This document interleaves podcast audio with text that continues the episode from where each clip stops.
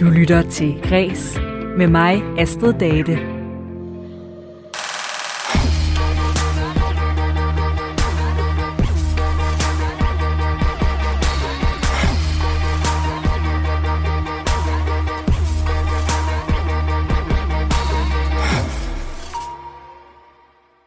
Anmelderrost bog blev lagt på is af sit øh, amerikanske forlag, efter forfatteren bag bogen fik en række anklager imod sig om øh, seksuelle overgreb.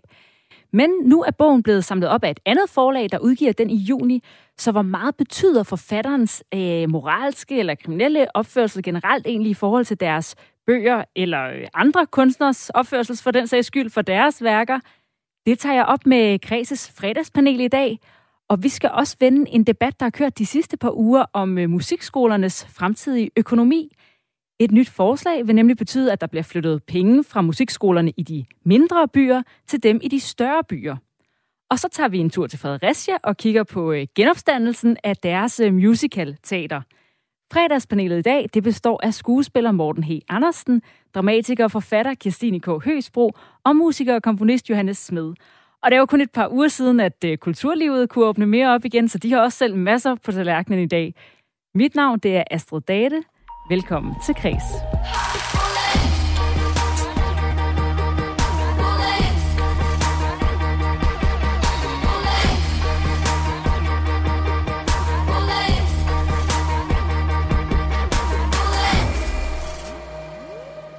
Og velkommen øh, til jer alle tre. Altså, det var lidt tidlig øh, fredagsbar her kl. 14. Jeg prøver at, at prøve at starte op. tak. Tak. Og øh, vi sidder jo øh, to her i øh, Aarhus, det er mig og Johannes, og så to i København, der har vi øh, skuespiller Morten H. Andersen og Christine Høgsbro, forfatter. Mm. Æh, er der sørget for noget at drikke hos jer? Det ja. er der, ja. Cola, kaffe, øl, vand. Vi har faktisk bredt udvalg. Sådan. Og Christine, du holdt jo øh, bogreception i går for din øh, debutroman med hensyn ja. til at blive ny, der lige kom på gaden. Og har du lidt tømmermænd? Ja, men jeg har sindssygt mange tømmermænd. Sådan. men, øh, men jeg er glad for at være her. og det er godt.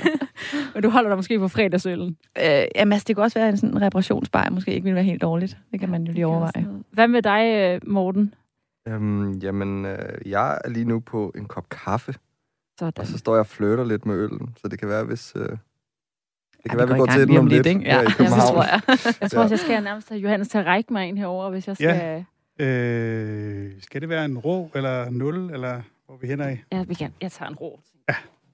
Øh, og hvad hedder det, Christine? Det, den her bog, øh, du er blevet færdig med, hvordan, mm. øh, hvordan er det... Altså, det kan jeg jo lige hurtigt fortælle. Øh, er en roman, der handler om en øh, ung kvinde, som øh, isolerer sig i sin øh, families sommerhus, mm. efter hun har mistet sin mor, og mm. øh, hendes familieliv falder lidt fra hinanden, mm. og... Øh, den handler om nogle meget sådan, øh, hvad kan man sige, store, eksistentielle spørgsmål øh, mm. i sådan forhold til øh, at leve og at man skal dø.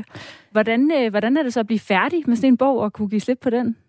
Øhm, altså, for det første vil jeg sige, jeg synes også, den handler om, om mange øh, altså mikrointeraktioner. Den er lidt sådan udspændt mellem at tage fat i sådan nogle eksistentielle emner, og så handle rigtig meget om sådan bitte små detaljer i levet liv.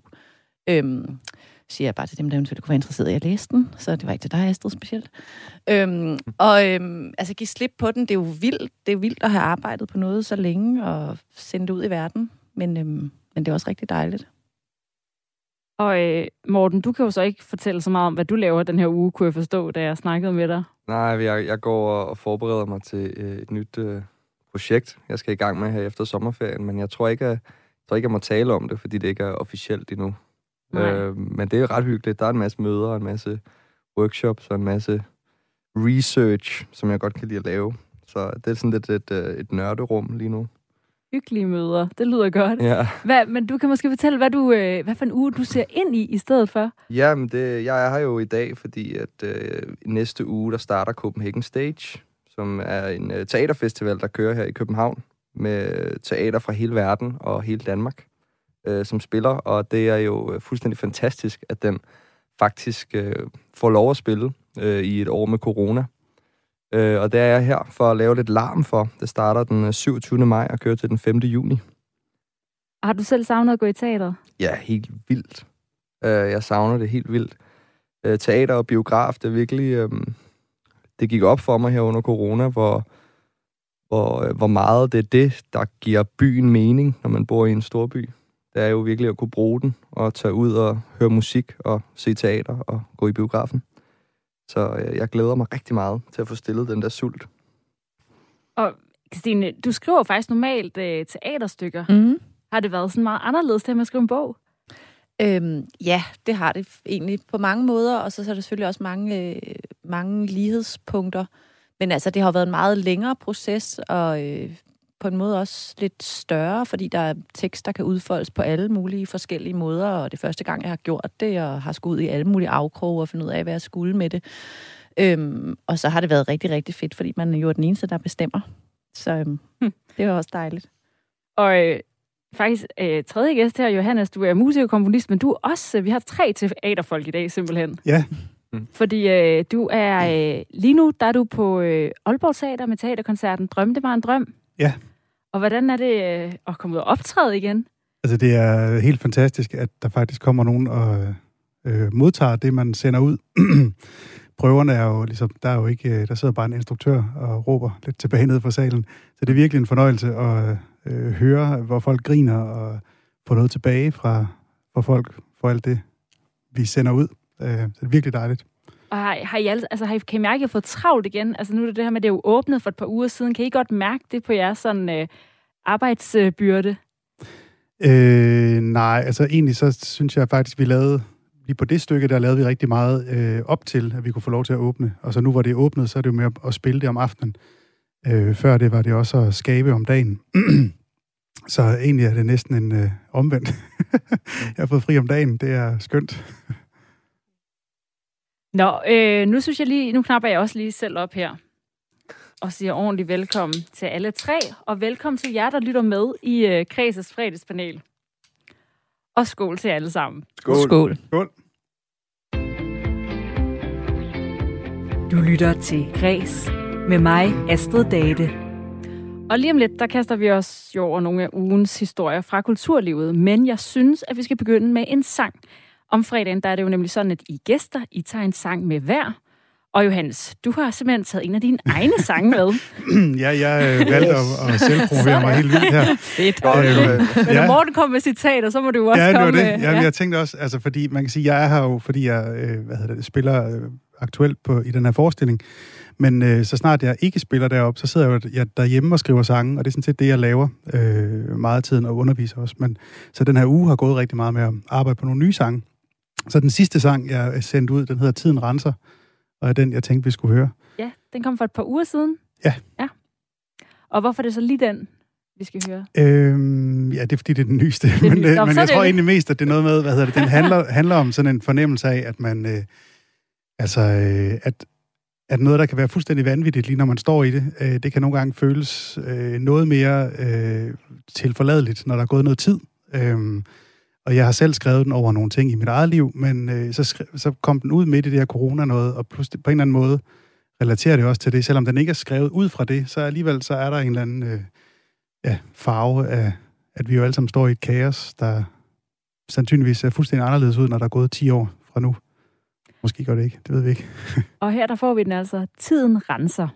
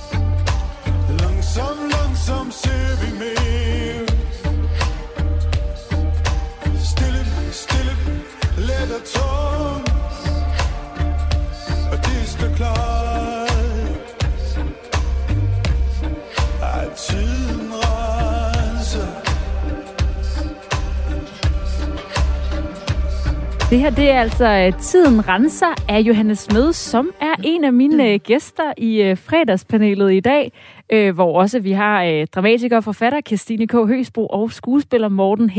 Andersen. Og den første historie, vi skal snakke om her i dag, det er en, jeg har haft med flere gange i løbet af ugen her i Kreds. Det er handler om øh, musikskolerne, fordi at de seneste par uger, der har der nemlig været debat om et forslag fra Statens Kunstfond om øh, en ny fordeling af pengene til musikskolerne rundt omkring i landet. Og forslaget betyder, at der bliver flyttet penge fra musikskolerne i mindre byer til dem i større byer, fordi de fremover skal fordeles efter befolkningstal. Og øh, det er en øh, centralisering af musiktilbuddet, og det er et svigt af talentmasserne uden for storbyerne, så lyder kritikken i hvert fald. Og det er noget, som Statens Kunstfond dog sådan afviser. Og så er der også det her argument om, at det er vigtigt for lokalmiljøet med de her tilbud, selvom at der er flere, der måske kan få gavn af det i de større byer. Og der vil jeg faktisk gerne lige høre jer først, sådan, hvad øh, kulturtilbud betød for jer, da I var øh, børn og unge? Hvad, hvad betød det for dig, Christine? Øhm, jamen, det ved jeg ikke, om, man, om det, man kan svare helt klart på at trække de linjer, men, men øhm, men jeg vil sige, at jeg blev sendt afsted til rigtig mange ting. Altså både noget rytmik, jeg synes, der var fuldstændig vildt kedeligt, og sad og spillede på en xylofon og var ved at dø, og altså var sulten. Og så blev jeg samtidig også sendt øh, til ballet, som jeg endte med at forfølge øh, helt til jeg var 20, og som har givet mig vildt meget, og, og, øhm, og åbnet meget af, af kunstverdenen for mig, vil jeg sige. Øhm, så jeg synes, det er vildt vigtigt. Jeg synes, de her fællesskaber er, er, øh, er vildt vigtige for at... Øh, at hjælpe kunsten på vej, fra vi er små. Altså en lille linje kunne der egentlig godt trækkes fra øh, det, du gik til dengang, og det, du laver i dag. Ja, men jeg føler faktisk, at det at beskæftige øh, altså sig med kunst på en eller anden måde er med til at åbne det sted i en, hvorfra al kunst faktisk bliver produceret, uanset om man ender med at lave musik eller skrive eller blive skuespiller. Altså så er det jo at komme i kontakt med sin kreativitet og finde ud af, hvordan man, man kan udfolde det og overhovedet vide, at det findes, at være sammen med nogle mennesker, der gider være sammen med en i det, ikke? Mm. Ja, øh, altså jeg, jeg gik også en masse musikskole og sådan noget, da jeg var barn, også øh, og har fået en masse gode ting ud af det, synes jeg, og netop det der med det her åbnet øh, for, at jeg overhovedet, jeg overhovedet kunne forestille mig, at man kunne lave noget i den retning. Øh, mm. Ja. Det, jeg er helt enig i det, du siger også, øh, hvad hedder det, i forhold til, at man, kan, at man lærer at sætte sig selv i spil, mm. altså når man, mm. øh, når man arbejder med noget kunstnerisk. Mm. Jeg har selv haft vildt meget, fået vildt meget ud af, jeg kommer fra en provinsby, jeg kommer fra Nyborg på Fyn, og der har jeg da selv fået helt vildt meget ud af, at der var sådan en ungdomsskole, der beskæftigede sig med musicalteater. Mm. For ellers havde jeg ikke noget sted at få afladet for den der energi, jeg rendte rundt med. Mm. Øhm, men jeg kan huske, da jeg flyttede til København, der blev jeg overrasket over, hvor mange øh, mere øhm, øh, klassisk teatertilbud, der var. Øh, for det fandtes ikke på Fyn. Og jeg mm. tænker bare, den oplevelse, der, der kunne jeg godt mærke, at jeg følte, at jeg var gået glip af noget. Og jeg, jeg i forhold til det forslag, Statens Kunstfond har øh, ligesom øh, for, det, de har foreslået, så tænker jeg, at det, det ville være synd faktisk at fjerne det, de gode tilbud, der er for musik fra provinsen og proppe det ind i storbyerne. Det vil jeg synes var virkelig ærgerligt. Så det, er det vigtigere at prioritere penge til skolerne i mindre byer, selvom at der er jo flere folk i de større byer? Mm. Altså, jeg, jeg kan huske, at jeg tænkte lidt over, øh, da jeg søgte ind på konservatoriet for mange år siden, at det uskrevet var nemmere at komme ind i, øh, jo længere væk fra København man, øh, man øh, søgte. Mm-hmm. Øh, og det er jo også en konsekvens, og som det er lidt, lidt af det, jeg hører, de prøver på at modarbejde nu. Mm. Øh, og det kan egentlig godt se en pointe i. Øh, men jeg synes godt nok, det er ærgerligt, hvis det går ud over diversiteten ude øh, i yderområderne. Ja. ja, for man kan sige, at, øh, at øh, hvis man, når man prioriterer yderområderne, så går det nemlig lidt sådan, altså så sker det lidt på bekostning af, at man så netop ikke får de største talenter måske. Altså, at der måske er flere talenter at tage af i de større byer, end der er i de mindre.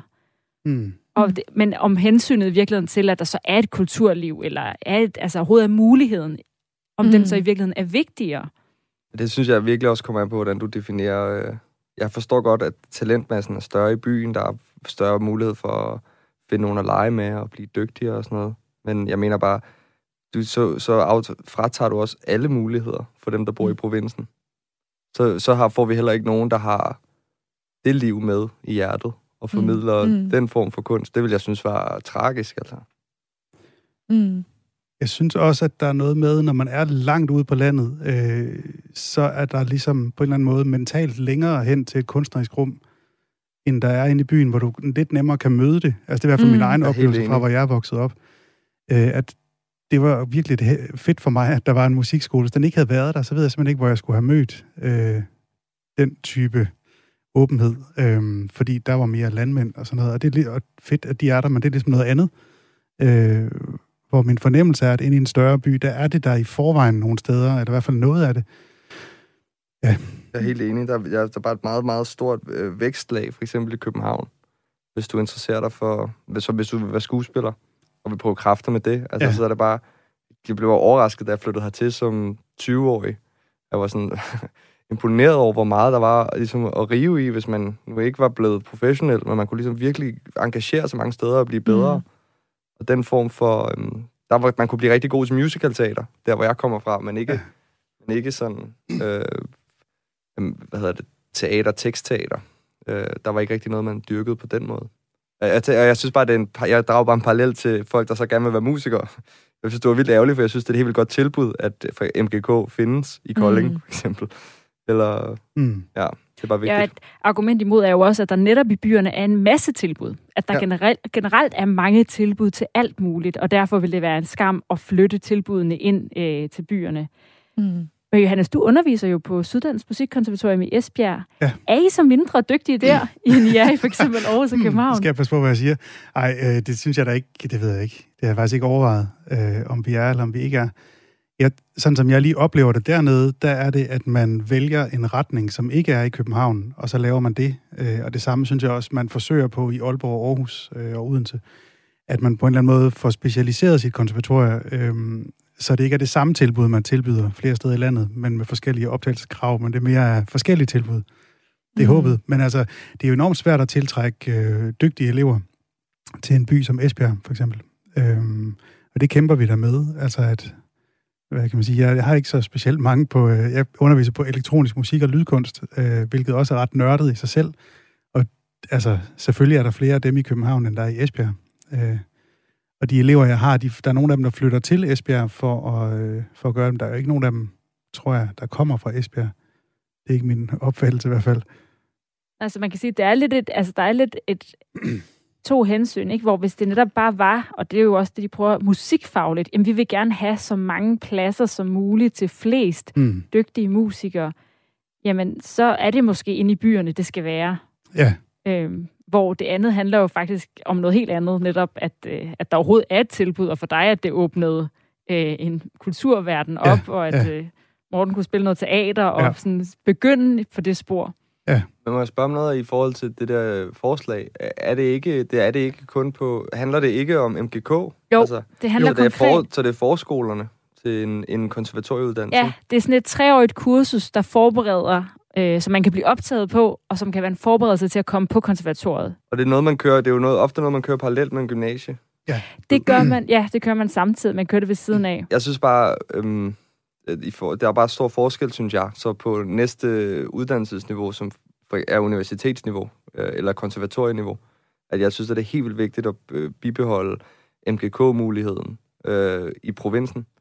Øh, fordi den der, hvor folk flytter hen for at tage den, den længere videregående uddannelse, mm. det kan ændre sig senere, men det er helt vildt vigtigt, at de har mulighed for at blive øh, eksponeret for øh, træning af høj kvalitet i deres nærområde.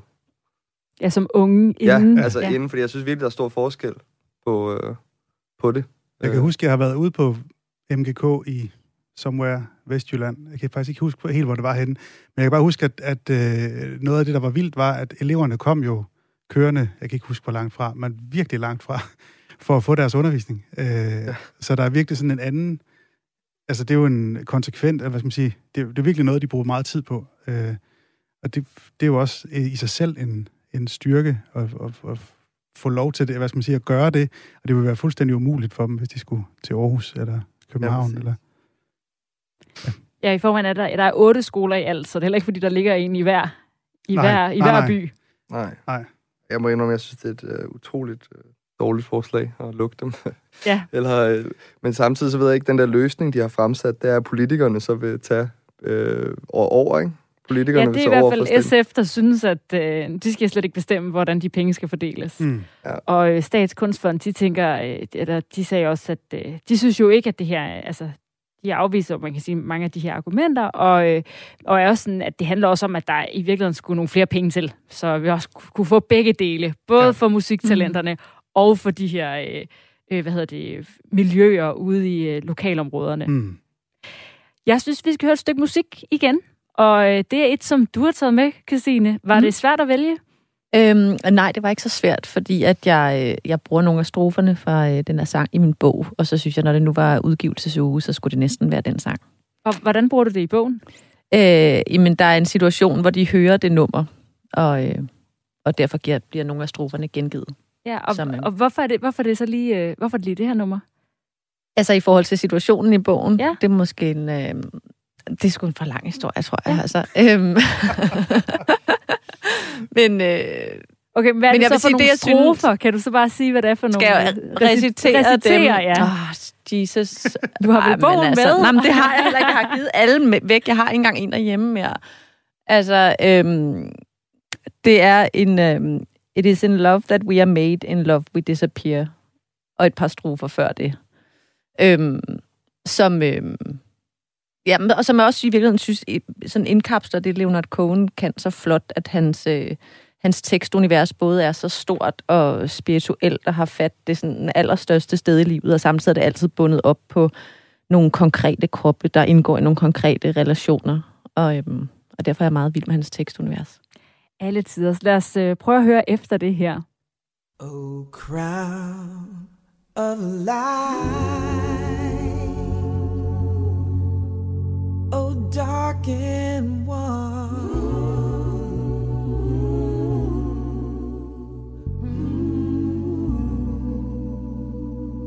I never thought we'd meet.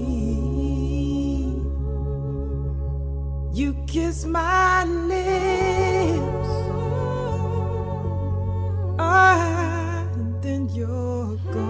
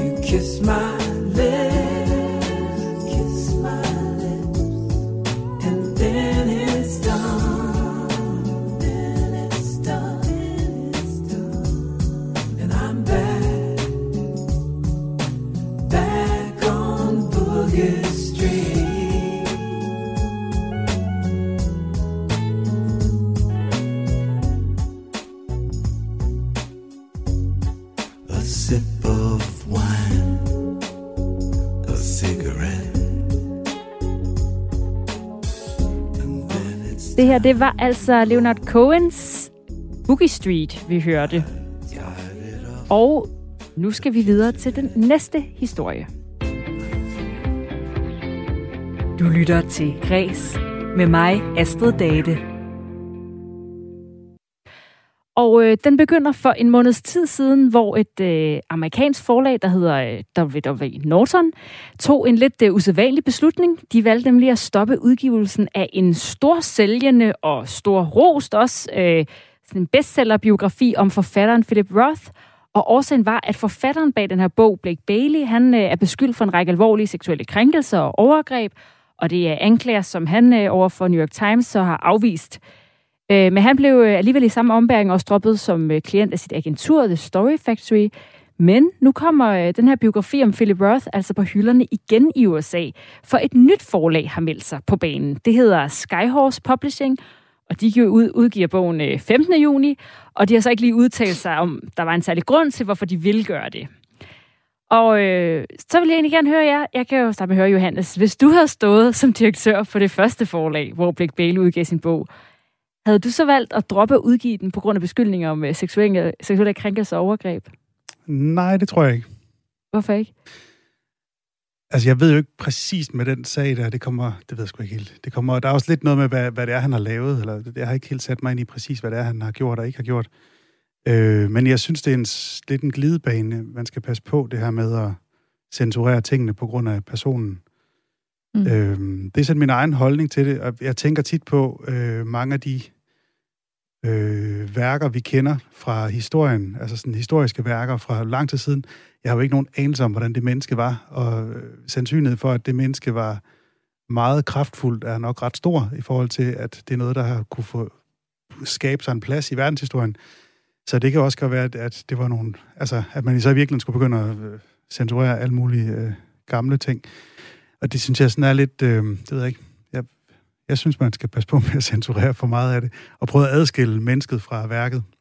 Hvad med dig, Christine? Synes du, det er i orden at afvise en udgivelse, fordi at øh, en person har øh, seksuelle, seksuelle krænkelser imod sig? Øhm, men altså, jeg ved ikke, jeg kan mærke, at jeg synes, det bliver så svært at tale om det her, fordi at, øh, altså, det bliver så positionerende, at man siger. Altså, så er jeg faktisk mig og Morten, vi mødtes lige, og vi var bare sådan, åh, oh, fuck, skal vi tale om det der? Det bliver så nemt at øh, Ja, det- træde i spinaten Det på er det jo her. sådan en ongoing, det Ja, her med, og- kan man adskille kunsten fra værket i virkeligheden, Ja, og jeg ikke? synes faktisk, at det, der bliver problematisk, det er, hvis man prøver at sige noget, fordi at, øh, du ved, man gerne vil prøve at afklare, hvad er rigtigt, så er man jo sindssygt bange for at ende et sted, hvor man selv så bliver angrebet. Altså, så på en eller anden måde kommer det til at handle om den, der har sagt det, i stedet for den sag, vi diskuterer, og som jeg føler, vi alle sammen prøver at navigere i lige nu fordi den jo er vildt dobbelt, at vi også kan se sådan, okay, der er også sket nogle vilde ting, dem skal vi også reagere på som samfund, og når vi er så mange mennesker, der bliver lavet så god kunst af så mange, hvem skal så have taletid? Altså, at noget af den udskillelse, skal det så i virkeligheden ske på baggrund af, hvad folk gør og ikke gør? Eller sådan, jeg synes, det er en vildt kompleks sag, og, og jeg tror som udgangspunkt, som en, der skaber selv, øh, altså reagerer helt klart sådan et alarmklokke på censur, ikke? Øhm, men jeg synes også, at... Øh, altså, jeg forstår det også godt, for der er også noget... Altså, der er jo nogle grænser i det også. Så det betyder noget for dig, om din for eksempel yndlingsmusiker, eller forfatter, eller skuespiller har krænket nogen, for eksempel? Øhm, om det betyder noget for mig? Altså, øhm, nej, det tror jeg faktisk ikke, det gør for min oplevelse af værket, men, men, øhm, men der er jo heller ikke kun værket, der er også verden, så derfor synes jeg, og, og der hvor øh, vi tager verden hen, altså i forhold til, hvad for nogle former for adfærd, vi tillader og ikke tillader, eller sådan, så, så jeg tror bare mere, at min pointe er, at, at jeg synes, det er vigtigt at diskutere, og man kan sige, at denne her sag er det jo fordi, at han jo er så god til at ligesom indfange Rothes ret problematiske seksuelle adfærd. Og grunden til, at han måske har været så skide god til at fange den side af ham, er, at han har haft gang i præcis det samme selv. Så det er også sådan, den der historie fletter sig også ind i det værk, han har lavet. Ikke? Du tænker sådan en takes one to know one. Jamen, det tror jeg er noget af det, han også er blevet, altså som, som også har gjort, at man har valgt at gøre, som, øh, som man har valgt. Ikke? Øhm, jeg ved ikke, jeg kan bare mærke, det, det er, altså jeg synes, det er ambivalent. Og, øh, og samtidig er der jo nok også noget i mig, der mest har lyst til at sige, at det bliver man nødt til at adskille. Men jeg ved ikke, om det også er min egen frihed, jeg mest forsvarer der. Hvad med dig, Morten? Synes du, man skal have en, øh, en ren straffeattest, du til at sige, for at udgive eller opføre sin kunst? Jeg synes faktisk, det er et godt spørgsmål, du stiller der, fordi øh, så vidt jeg kunne forstå på artiklen, så er det, øh, hvad hedder det, øh, så er han ikke blevet dømt. Nej. Nej. Nej. Det er der, jeg synes, det bliver problematisk, for du, du, jeg synes, du slår hovedet på søm, når du spørger, om han skal have en ren straffeattest. Jeg synes egentlig, at hans forlag er super, er helt berettiget til at øhm, opsige hans kontakt hos dem, hvis han bliver dømt for noget. Mm. Jeg synes, det er synd, at, øh, at øh, alle ligesom... Jeg synes, jeg synes, det er rent business fra deres side, fra forlagets side, fordi de nærmest sådan vil være... Øh, vil, vil, vil øh, vaskes rene af noget, som han... Altså, der er en sag, der ikke er blevet færdiggjort endnu. Mm. Øh, og det er godt lige nu her i tiden, hvor den politiske debat er. Øhm, og det er ikke for at tage noget ud af den politiske debat, jeg siger det. Det er helt vildt vigtigt, at øh, mennesker forstår, at man kan ikke blive ved med at opføre sig sindssygt, som man kunne før i tiden. Mm. Øhm, men jeg, øhm, lige nu synes jeg faktisk bare, det er lidt sådan lidt øh, øh, grisk af dem, at der skal, altså, at, det- fordi de ved, at det vil gå ud over deres salg, eller det vil gå ud over deres rygte, Mm. hvis, hvis de lige, hvis de ikke, de har ikke, ingen har tid til at vente på, at sagen bliver afgjort, før man bliver nødt til at handle lige nu. Så mm. på Mm. den måde bliver, rø- hvad hedder det, handles der utrolig meget på, øhm, på anklager og på, på rygter. Og, øh, og jeg, men jeg synes, forandringen er vigtig. Jeg synes bare, at vi også, vi skal holde hovedet koldt i det. Mm. Men det er et, med det knivsæg, man balancerer på, fordi samtidig er der alt for få, der er blevet dømt før i tiden. Så måske skal man også reagere hurtigere, end man gjorde før i tiden Mm. øhm, når folk misbruger deres magt til seksuelle krænkelser. Øhm, ja, så jeg svarer meget tvetydigt på det, men jeg tror bare, jeg har nemlig, jeg kan ikke så godt lide den der sætning, lad os adskille værket fra kunstneren, men øh, jeg kan rigtig godt lide at adskille anklagen fra dommen. Mm. Er det mening? Jeg kan også sige, hvis det, ja, det du mener er, at det, at det bliver ud fra sådan et brandmæssigt, øh, brandmæssige beslutninger, at man så afviser kunstnerne for eksempel. Mm. Altså også inden øh, sagen er fuldt, fuldt til dørs. Så vidt jeg kunne forstå på den her, jeg kender ikke Mm. ham, jeg kender ikke, øh, heller ikke, øh, hvad hedder det, ham han har skrevet biografi om. øh, så, jeg, øh, så jeg er lidt på bare bund og bare lige blevet præsenteret for artiklen, men det er bare i forhold til den her, det generelle tema, cancel-kultur. Øh, så, øh, er der, så er det enormt polariserende, som, som du siger, Christine. Mm. At, øh, hvad hedder det, meget hurtigt, på meget få informationer, skal man dømme folk ind eller ude. Ja, det, det er har jo også øh, ja, en artikel om det her, hvor de har snakket med direktøren for Gyldendal herhjemme, Morten Hesseldal, der er jo meget sådan skarp øh, i at sige, at det cancel culture, det er noget af det dummeste, der findes. Mm. Altså, han mener 100% man skal fokusere på indholdet og værker, og ikke på afsenderen. Mm. Og man kunne også, altså... Men, som, men jeg tror, altså, den er jo også altså, på en måde ikke rigtig, for vi ved jo også, at afsenderen altid farver værket. Eller, altså, det er jo sådan også en almen viden, så det er jo også lidt spøjst at pludselig påstå, at man kan det, når der er blevet lavet alle mulige forsøg med, at lige så snart man sender en anden kunstner bag det her kunstværk, så bliver det aflæst på en helt anden måde, og bla bla bla. Det er jo lavet tusind af forsøg på, ikke?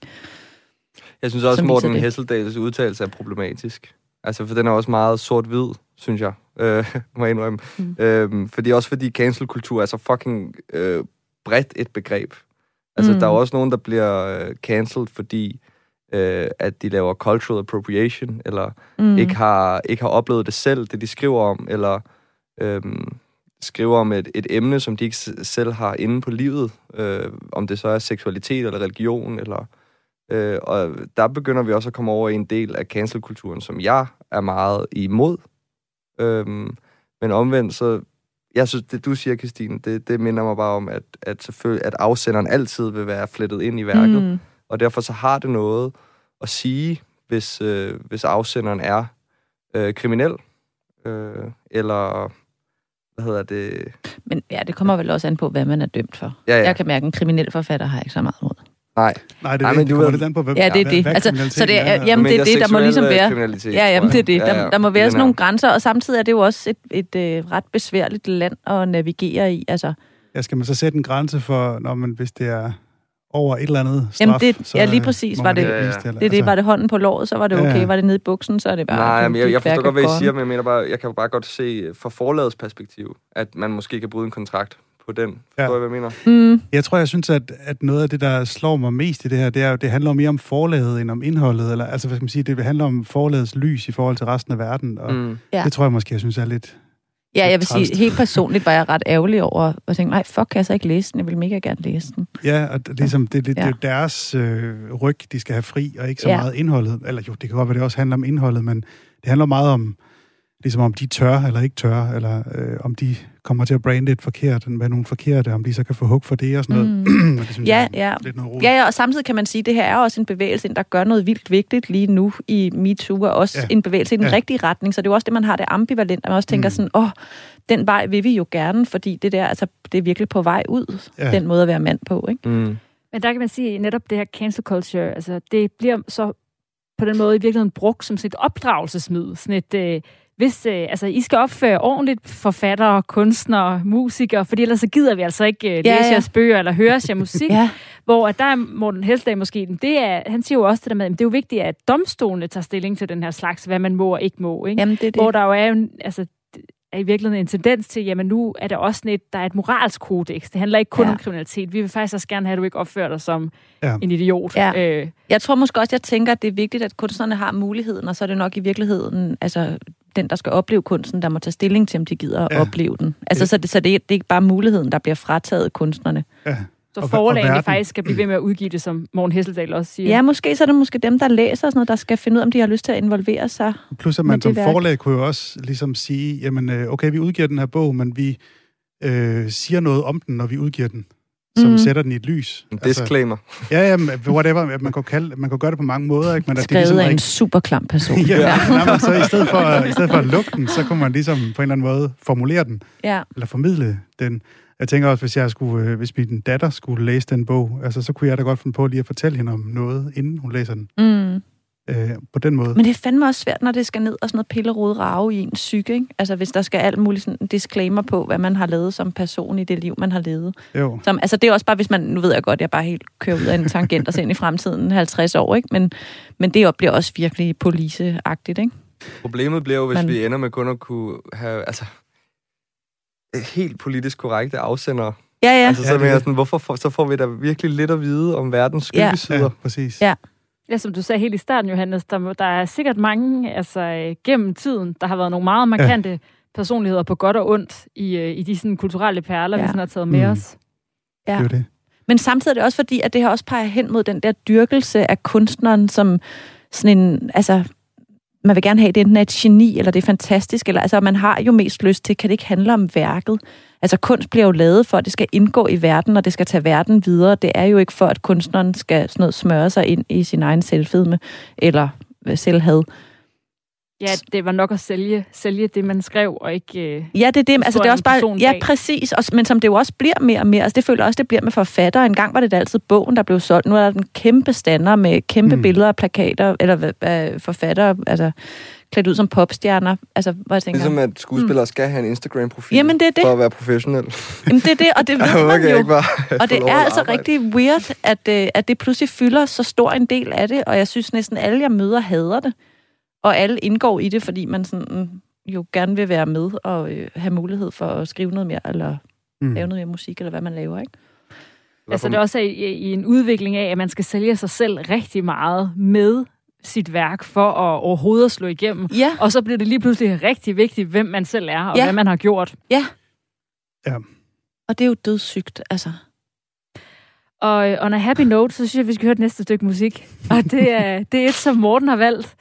Og, øh, og der, der, fik jeg, der, der snakker vi om, kunne man tage et, øh, som øh, handler om, hvordan har vi haft det gennem coronatiden, eller hvordan vi gerne vil have det. Jamen, det var fordi, jeg, var, jeg, havde, jeg havde måske valgt et lidt bedrøvet stykke musik først. men også smukt, øh, som mindede, mindede mig mere om corona. Men nu synes jeg også, vi har hørt to smukke stykker musik. Og, Ja, det er jo det. Og jeg kunne godt, virkelig godt lide din tekst der, Johannes, med, øh, at tiden renser os. Mm. Øh, så øh, det var måske det, det første nummer var. Så nu har jeg valgt et nummer, der sender os på weekend med nogle lidt mere simple problematikker, som bare handler om at blive forelsket i en skolegård. så, hva- så hvad er det, vi skal høre? Et nummer, der hedder Back Pocket af Wolfpack, som Og det kommer altså her. Og jeg kommer lige til at stoppe det. Her har vi det. Back Pocket af Wolfpick.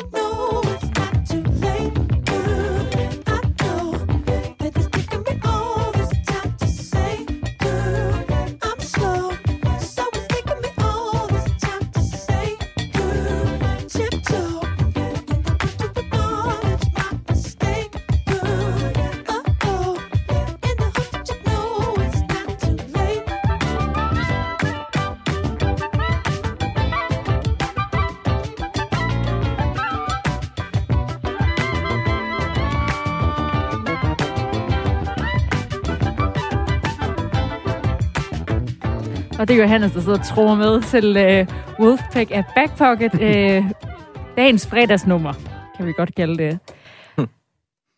Og øh, vi skal til øh, den sidste historie, som øh, handler om øh, Fredericia Musical Teater, fordi at øh, coronapandemien og øh, de deraf manglende sådan, øh, billetter, der blev solgt og aflyste forestillinger, det betød i marts sidste år, at Fredericia Teater gik konkurs. Men pengene er altså siden fundet til at genrejse teateret som øh, Fredericia Musical Teater med en ny kunstnerisk leder og en ny administrerende direktør. Og teateret det har været med til sådan lidt at sætte øh, Fredericia på landkortet, og øh, for byrådet der er det også enormt vigtigt for Fredericias identitet som by, så de er selvfølgelig glade for, at det nu åbner igen. Men ifølge visborgmester Susanne Eilersen, så er det altså også sidste chance, teateret får. Det siger hun her til Fredericia-avisen. Det er jo alfa og omega, at vi får, vi får økonomien til at hænge sammen, fordi vi kan ikke stå endnu en gang og skal bede om en, en masse penge rundt omkring, fordi så går det ikke. Og hvis øh, teateret det må gå nedenom og hjem igen, så, så er der ikke noget teater mere. Vi får kun den her ene chance øh, for at vise øh, Kulturarvsstyrelsen og Fredericia borgere, at øh, vi vil og kan teater. Men jeg har ro i maven. Jeg synes, det er et godt valg, de har truffet bestyrelsen. Så jeg er helt sikker på, at øh, om et par år, så har vi også et, øh, et rigtig godt teater. Og lige først vil jeg bare høre jer, øh, nu er I jo tre teaterfolk. Har jeres veje krydset Fredericia Teater, inden at det gik konkurs sidste år? Øh, nej, jeg har faktisk ikke været der. Jeg har været der en gang, øh, eller da de spillede i København for mange år siden, Den Lille Havfru. Ja. Var jeg inde og se, med, da jeg gik på teaterskolen som Ja. ja. elev. Jeg har, jeg har ikke været der. Øh, jeg kender nogen, der er der. Var der. Er der måske, det ved jeg faktisk ikke. Så har I, har I et forhold til, det åbner igen?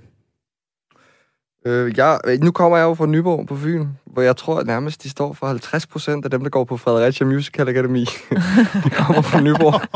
Øh, Så ej, er det ved dine homies, der lige har Ja. fået... Øh, Jeg kender i hvert fald en hel del, som har gået på Musical Akademiet, og som så er gået videre på Fredericia Teater, så jeg føler, jeg har stiftet bekendtskab med det på sociale medier meget. Mm. og teater, det har jo haft en uh, turbulent tid, øh, men jeg tænkte øh, nu igen, I er jo teaterfolk. Hvordan ser det generelt ud for teaterbranchen? Altså sådan, hvad... Jeg skyder på, ingen af os ved noget om økonomi. Ingen ved noget Det er mit bedste bud. Nej, jeg kender min egen, men sgu ikke... Ja. øh, Nej, sgu ikke teateren, det er det. Og knap ens egen. Jeg har lige begyndt at forstå min Ja, lige egen. præcis. Ja. Ej, øh, hvad hedder det? Jamen, øh, alt teater er vel altid... Øh, alt teater er vel presset, egentlig. Altså, det er den kedelige gamle sang. Mm. Ja. Øh, og jeg troede egentlig, at det gik rigtig godt for Fredericia Teater, men jeg kunne forstå, at de gik konkurs også, fordi der var blevet lavet nogle investeringer, som vist var blevet gjort uden om bestyrelsen eller noget i den stil. Øhm, I det gamle, den gamle øh, teaterchef. Øh, Men det er i hvert fald det, jeg har hørt. Men det er sådan en halv, halv løgn, jeg løber med sikkert. Jeg ved det ikke. Ja, der var i hvert fald et eller andet, en eller anden sag om et eller andet, men hvad det lige præcis var, det fik jeg heller aldrig helt fat i, men Mm. som ligesom var det, der knækkede det. Mm, præcis. Så, altså, så kombineret med corona sikkert, men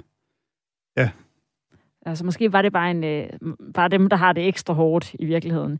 Jeg tænkte bare, her i Kreds, der har vi nemlig også snakket om øh, den såkaldte sådan, streaming war, altså det her med øh, kampen mm. Mellem biografer og streamingtjenester, at tjenester som HBO og Disney+, Plus, de har for eksempel under coronapandemien vist film, inden de fik premiere i biograferne, mm. hvor jeg tænkte, om det også er noget, men det er så måske ikke noget, I deciderede mærker som udøver, men at, øh, at man kunne forestille sig, at teaterne jo også er måske lidt udfordret af, at folk egentlig bare sidder derhjemme og ser Netflix.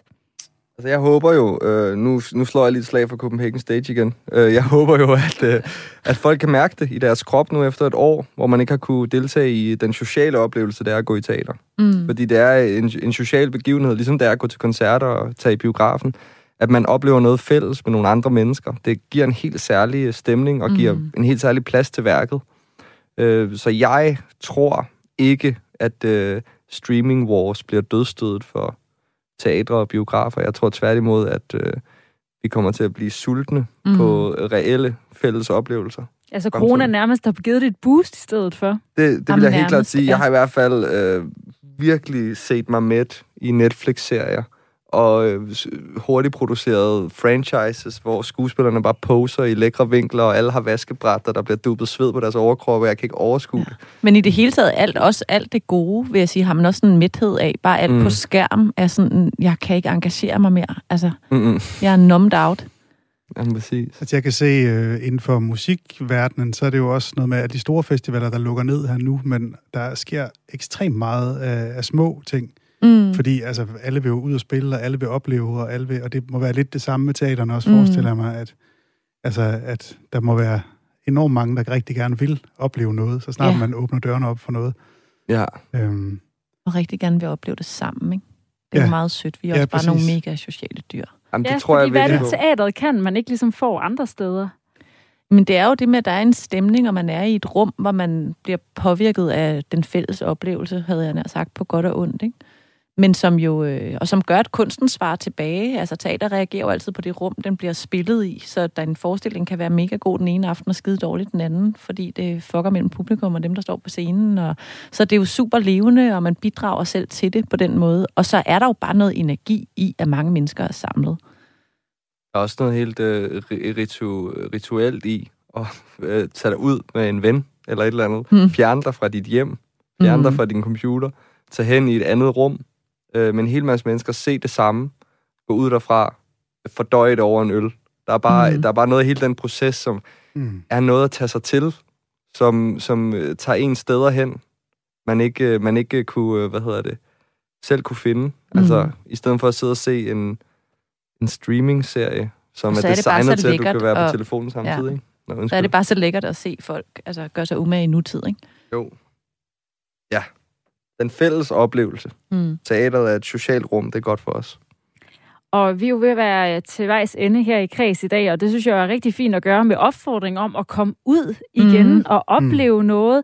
Hvornår Men er også det... blive hjemme og læse en bog. Ja, jeg skulle lige sige, også. jeg skulle lige, lige kan tage runden her, hvis vi kan sige Gå på Spotify og høre en sang. tak til Christine Høsbo, fordi du var med her, dramatiker og forfatter, og du har nemlig skrevet din første bog Ja. øh, frem for teaterstykker, som øh, man kan købe Ja, nu. det kan man. Tak, Astrid. Sætte sig hjem. Eller udenfor i solen. Nu håber vi altså snart, den kommer lidt mere Mm. af. Og øh, tak til skuespiller Morten Andersen. Hvornår er det Copenhagen Stage, altså den her teaterfestival, er fra og til? Øh, 27. maj til 5. juni. Og det er i København? Ja. Primært, ja. Og Eller omegn. udelukkende. Og Ja. omegn. Der er over 100 events. Sådan. Der skulle være et, øh, der man kunne falde for der. Men- Og tak til musik- og komponist Johannes Smed, Tak. som altså er på Drømte mig i nat frem til... Øh, 11. juni må det være, men jeg tror faktisk også, den er på Copenhagen Stage. Jeg tror, den bliver streamet, eller der er sådan et eller andet. Ja. Øh, og så skal man selvfølgelig også gå ind på Spotify og høre øh, mere af min musik, hvis man vil det. Det kan man jo gøre til også efter den 11. juni. Der er simpelthen der er ingen undskyldninger for ikke at få et øh, skud kultur i øh, den nærmeste fremtid. Jeg er tilbage igen på øh, mandag med en øh, særudsendelse om øh, kunstterapi, I godt kan glæde jer til. Tak fordi I lyttede med i Kreds i dag.